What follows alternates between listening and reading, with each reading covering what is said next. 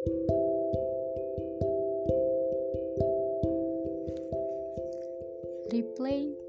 1997 Penulis skenario Li Wojung Novelis Pak Ijong Reuni bagian 1 Semua berkumpul kembali. Juni 2012 Malam hari di Seoul Aku mengenakan celana jeans yang sudah berumur 7 tahun dan t-shirt putih yang kubeli seharga 9.900 won.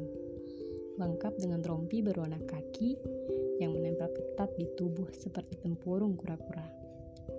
Bisa dikatakan bahwa pakaian seperti ini adalah pakaian santai yang cocok dikenakan kapan saja dan di mana saja.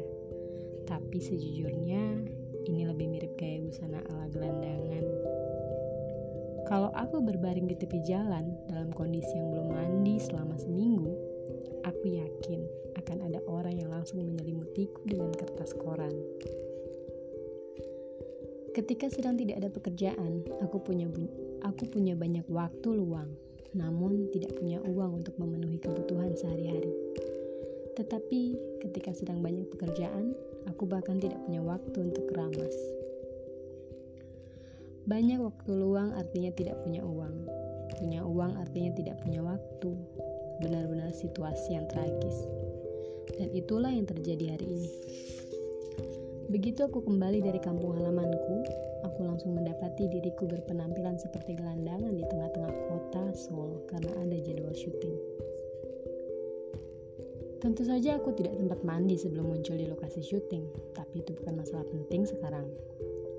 Aduh, Pak, besok kami harus langsung mulai syuting.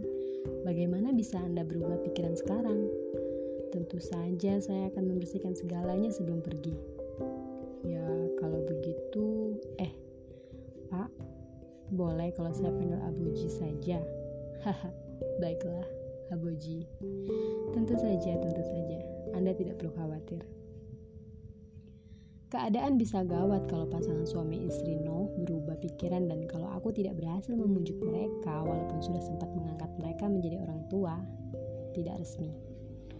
Aku menyunggingkan seulas senyum menenangkan dan menempelkan ponsel ke telinga erat-erat, mengabaikan lirikan yang dilemparkan sopir taksi ke arahku. Sudah 10 tahun aku bekerja sebagai penulis acara televisi, Awalnya kupikir pekerjaan penulis hanyalah menulis, tetapi kenyataannya tugasku termasuk memohon-mohon dan mengemis-gemis.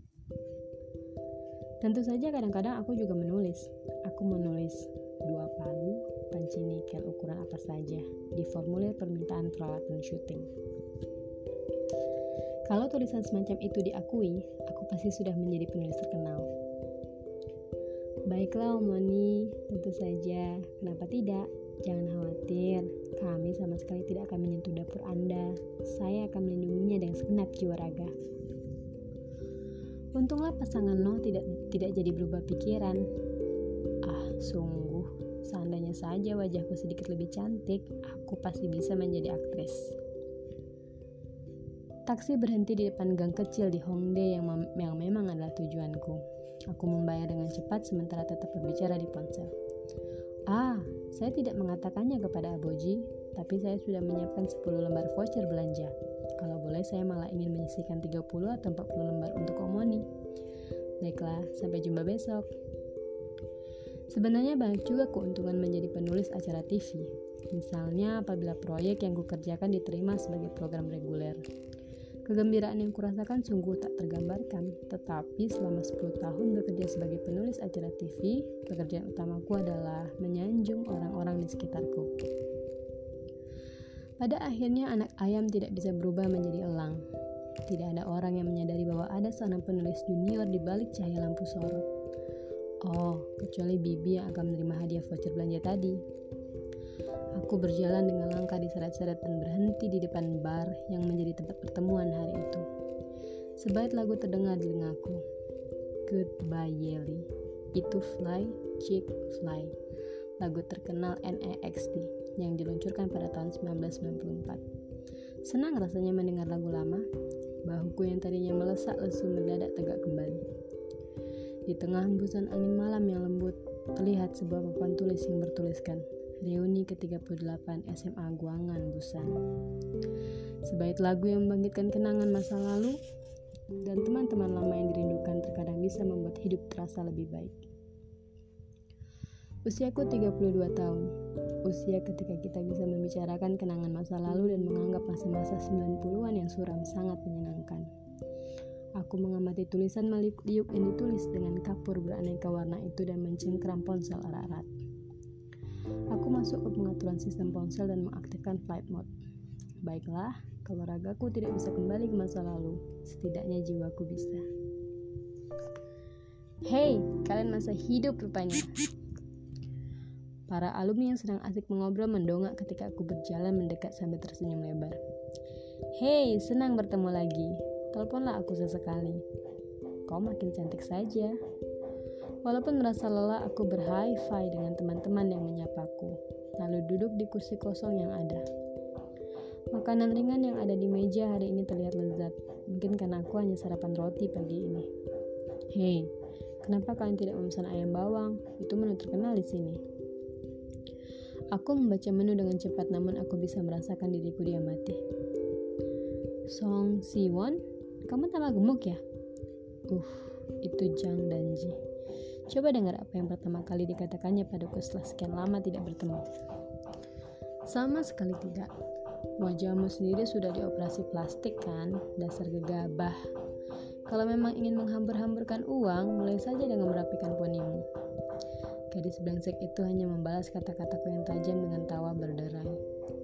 Sepertinya dia menyukai gaya rambutnya selama masa sekolah dulu dan Ji dikenal sebagai penggemar Hijan. Sedangkan aku dikenal dengan An Seng Buin.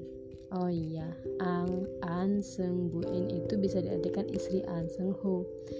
Dan An Seng Ho adalah nama asli Tony Oppa dari HOT. Ji mengusap poin poninya yang menempel di pipi sambil tersipu, lalu seolah-olah baru teringat sesuatu.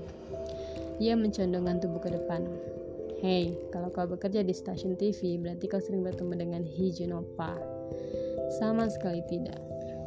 Kemungkinan bertemu dengan selebriti akan jauh lebih besar apabila kau melamar menjadi petugas pembersih kamar mandi di stasiun TV daripada sebagai penulis acara. Tentu saja aku awalnya memilih pekerjaanku ini juga karena aku ingin bertemu dengan Tony Opa. Ketika acara Sapa Menyapa sudah berakhir, tanganku bergerak hendak meraih makanan. Namun suara seseorang menghentikanku. Halo, astaga, sudah sudah lama sekali kita tidak bertemu ya. Seorang wanita bergaun oranye dan bermata melengkung tersenyum muncul.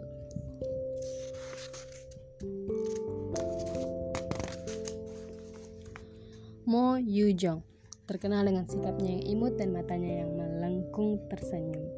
Setelah terlambat menyadari bidang yang diminatinya, ia kini bekerja sebagai guru TK. Ia tipe wanita yang tidak bisa menahan diri dan sangat mudah jatuh cinta. Tiga bulan yang lalu idolanya adalah Kim So Yeon, sebulan yang lalu Park Yo Chon, dan sekarang ad adalah idola yang 12 tahun lebih muda darinya, Infinite. Oh, si Won, kamu tambah gemuk ya?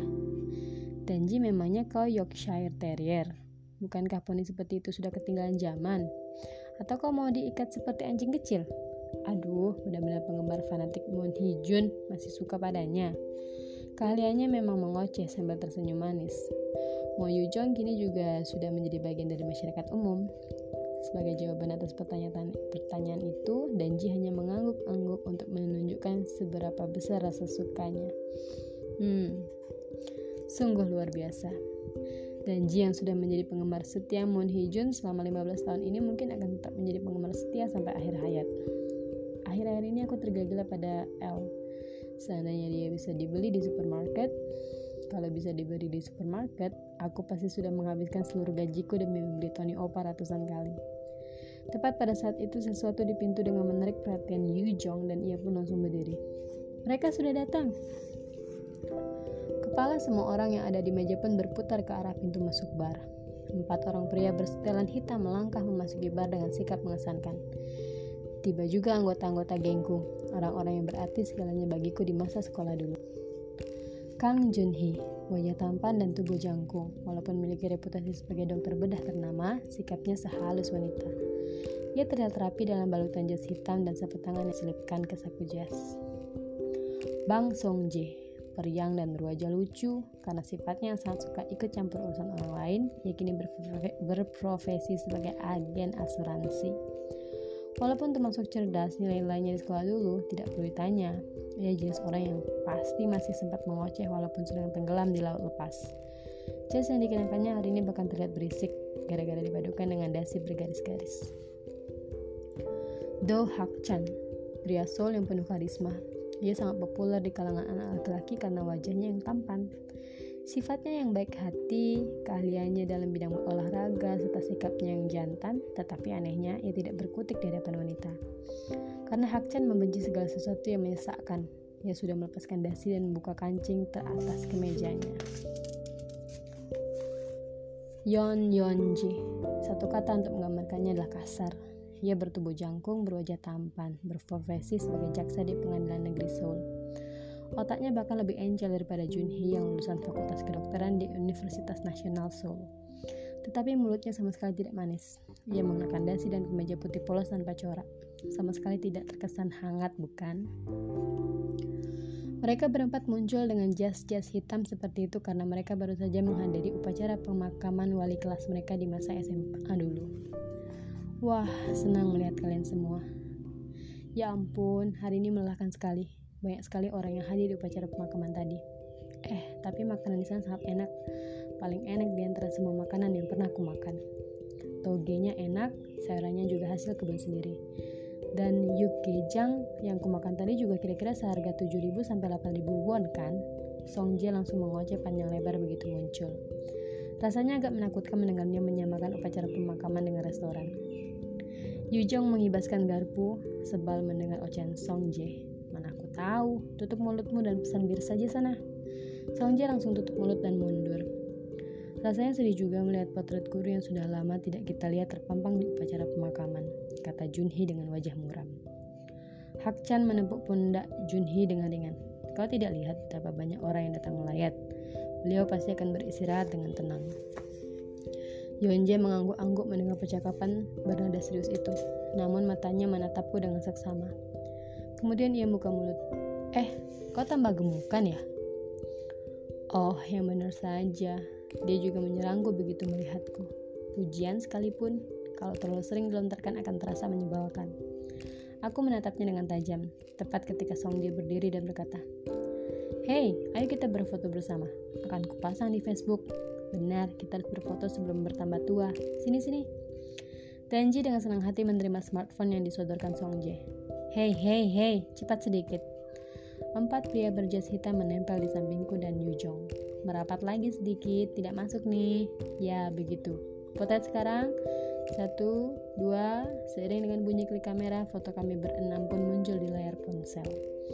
Kami seolah-olah kembali ke tahun 1997 kembali ke masa-masa yang menyenangkan ketika kami masih berumur 18 tahun.